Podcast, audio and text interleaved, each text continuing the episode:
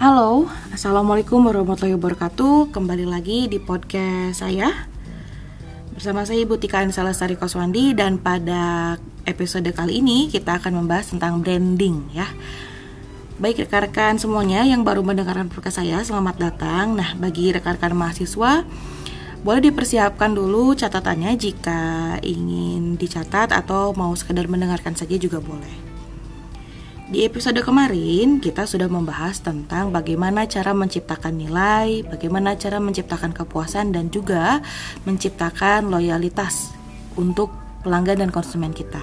Ya, eh, apakah teman-teman masih ingat tentang rumus kepuasan? Jadi kalau kinerja itu lebih besar daripada ekspektasi, maka biasanya outputnya adalah pelanggan akan merasa puas ya, sangat puas. Tapi kalau misalkan kinerja sama dengan harapan atau ekspektasi, maka konsumen akan merasa puas saja. Tapi kalau misalkan kinerja itu lebih kecil daripada ekspektasi atau harapan, maka konsumen akan merasa tidak puas. Nah, penting sekali untuk menjaga bagaimana sebuah merek bisa diterima di benak konsumen ya. Sehingga memang branding ini, strategi branding ini masuk ke dalam ilmu uh, manajemen pemasaran rekan-rekan mahasiswa dan juga uh, para yang entrepreneur muda Pengertian brand atau merek menurut para ahli, ini yang pertama menurut Bilson Simamora dalam bukunya di tahun 2001 ya, menjelaskan bahwa merek adalah nama, tanda, istilah, simbol, desain, atau kombinasinya yang ditujukan untuk mengidentifikasi dan mendiferensiasi atau membedakan barang atau layanan suatu penjual dari barang atau layanan penjual yang lainnya. Adapun juga menurut Kotler ya dalam bukunya, merek adalah suatu nama, kata, simbol, tanda atau desain atau kombinasi dari semuanya yang mengidentifikasi pembuat atau penjual baik itu produk dan jasa tertentu. Jadi memang merek ini dealing atau berkaitan erat dengan nama, tanda, istilah, simbol ya. Contohnya seperti ini tanpa kita mengkonsumsi produknya, tanpa kita me menggunakan produk itu, tapi ketika kita ngelihat simbolnya kita udah tahu, oh itu produk makanan, oh itu produk jasa. Contohnya aja nih uh, ada gambar logo Aqua, ya kita bisa langsung rasain, oh iya itu mah air mineral, mineral atau le mineral, kita bisa langsung rasain, oh iya itu air mineral yang rasanya ada manis-manisnya. Nah kayak gitu. Oke, okay. merek juga identik dengan branding ya. Mungkin teman-teman pernah mendengar kata branding. Branding itu apa sih Bu? Branding adalah kumpulan kegiatan komunikasi yang dilakukan perusahaan dalam rangka proses membangun dan membesarkan brand atau merek ya. Jadi branding adalah proses bagaimana kita para pengusaha ini untuk bisa mengkomunikasikan uh, kepada pa uh, pasar dan membangun citra yang baik tentang uh, merek kita seperti itu. Tujuannya apa sih Bu branding itu? Yang pertama adalah mampu menyampaikan pesan dengan jelas. Kemudian tujuan dari branding juga untuk memastikan kredibilitas dari produk kita. Gitu. Uh, tujuan yang ketiga adalah untuk mampu men menghubungkan nih target pasar atau konsumen secara emosional atau mampu bertemu ya bertemu dengan target pasar uh, dan menjalin hubungan yang baik secara emosional dengan konsumen. Juga mampu menggerakkan atau memotivasi konsumen dan memastikan terciptanya kesetiaan pelanggan ya loyalitas tadi. Nah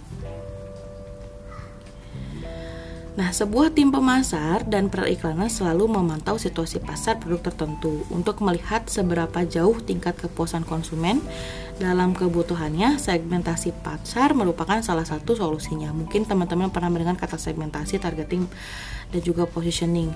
Ini sebetulnya e, pernah dibahas di beberapa pertemuan lalu ya sebelum UTS ya. Nah, ada juga yang disebut dengan brand value atau nilai e, merek ya.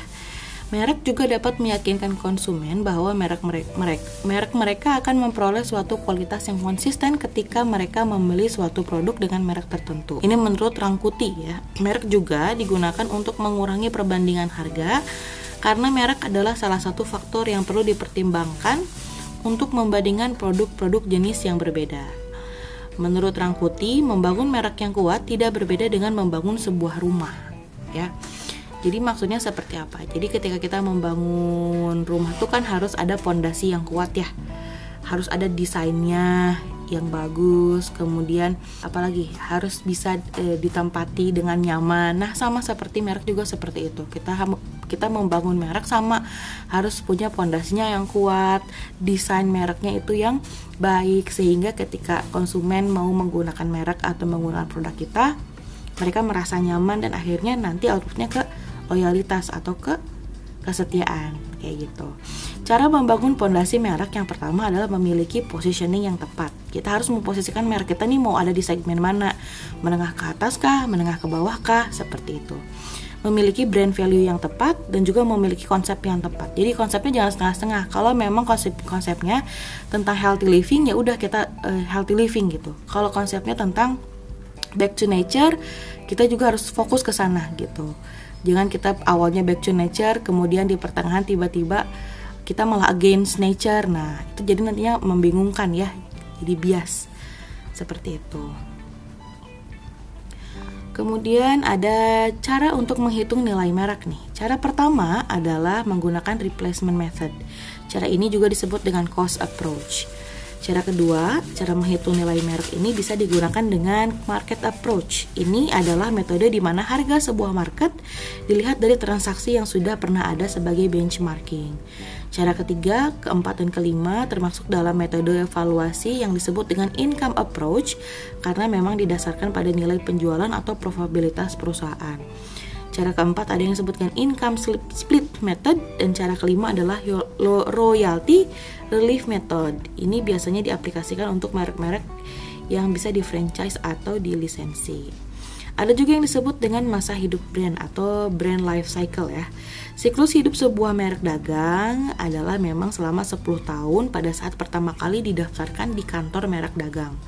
Dengan pendaftaran merek dagang ini, sebuah merek dagang akan mendapatkan sebuah perlindungan hukum selama 10 tahun.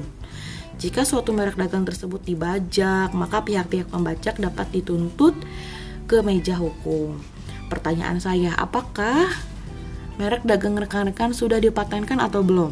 Ya, jangan sampai teman-teman mengeluarkan brand kemudian ternyata nama brandnya itu sudah banyak digunakan sama yang lain atau bahkan sudah ada nama merek yang sama dan sudah dipatenkan. Hati-hati ja, nanti jangan-jangan e, merek dagang kita bisa di ini ya bisa dituntut ya karena punya merek dagang yang sama punya nama yang sama seperti itu. Ya jadi ayo sekarang mulai memikirkan gimana caranya untuk membangun uh, brand kita untuk melakukan branding kita supaya bisa diterima di masyarakat. Dengan dan juga untuk memikirkan proteksi prote, proteksinya seperti ini ya. Seperti merek dagang kayak gitu.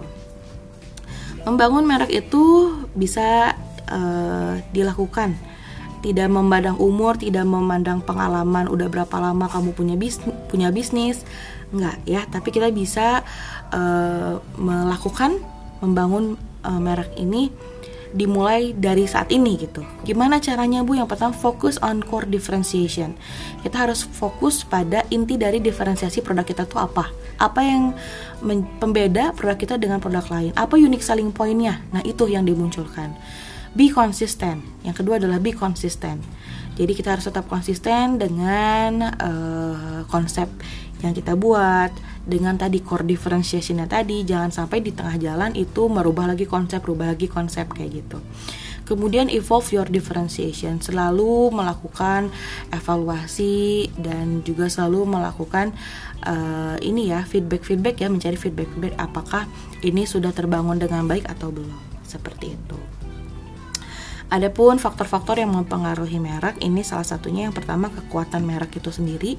Kalau kita punya uh, apa namanya uh, merek yang kuat, maksudnya merek yang kuat itu seperti apa? Seperti apa sih bu? Citranya itu kuat, sudah melekat di benak konsumen. Artinya uh, secara tidak langsung ini proses brandingnya ini akan semakin membaik, kita semakin bagus.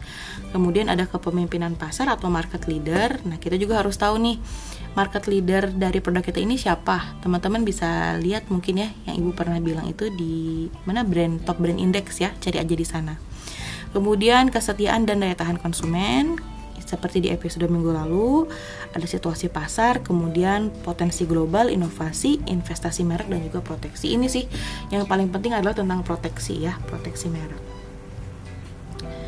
Seperti itu. Ini ada beberapa strategi untuk memperluas merek. Salah satunya adalah line extension, ada brand extension, ada downscaling, upscaling, ada corporate branding. Baik rekan-rekan semuanya, mungkin yang ingin saya sampaikan adalah rekan rekan-rekan mari mulai sama-sama untuk memikirkan bagaimana sih caranya untuk melakukan branding pada produk yang sedang kita rintis, pada bisnis yang sedang kita rintis. Agar apa? Agar citra dari produk kita ini terus bisa tertanam dengan baik ke konsumen ya, ke target konsumen yang kita pilih. Seperti itu karena memang e, citra e, produk yang baik ini biasanya outcome-nya itu akan banyak sekali. Baik itu ke dalam sales volume atau tingkat volume penjualan, baik itu juga ke kesetiaan konsumen atau loyalitas dan juga ke kepuasan. Jangan lupa teman-teman mulai memikirkan untuk proteksi merek dagangnya ya. Silahkan dicek dan silahkan kalau udah punya budget boleh tuh langsung dilakukan hak paten terhadap merek dagangnya. Oke, terima kasih teman-teman semuanya yang sudah mendengarkan. Nanti kita ketemu lagi di pertemuan selanjutnya atau di episode selanjutnya. Bila itu Taufik Hidayah, wassalamualaikum warahmatullahi wabarakatuh.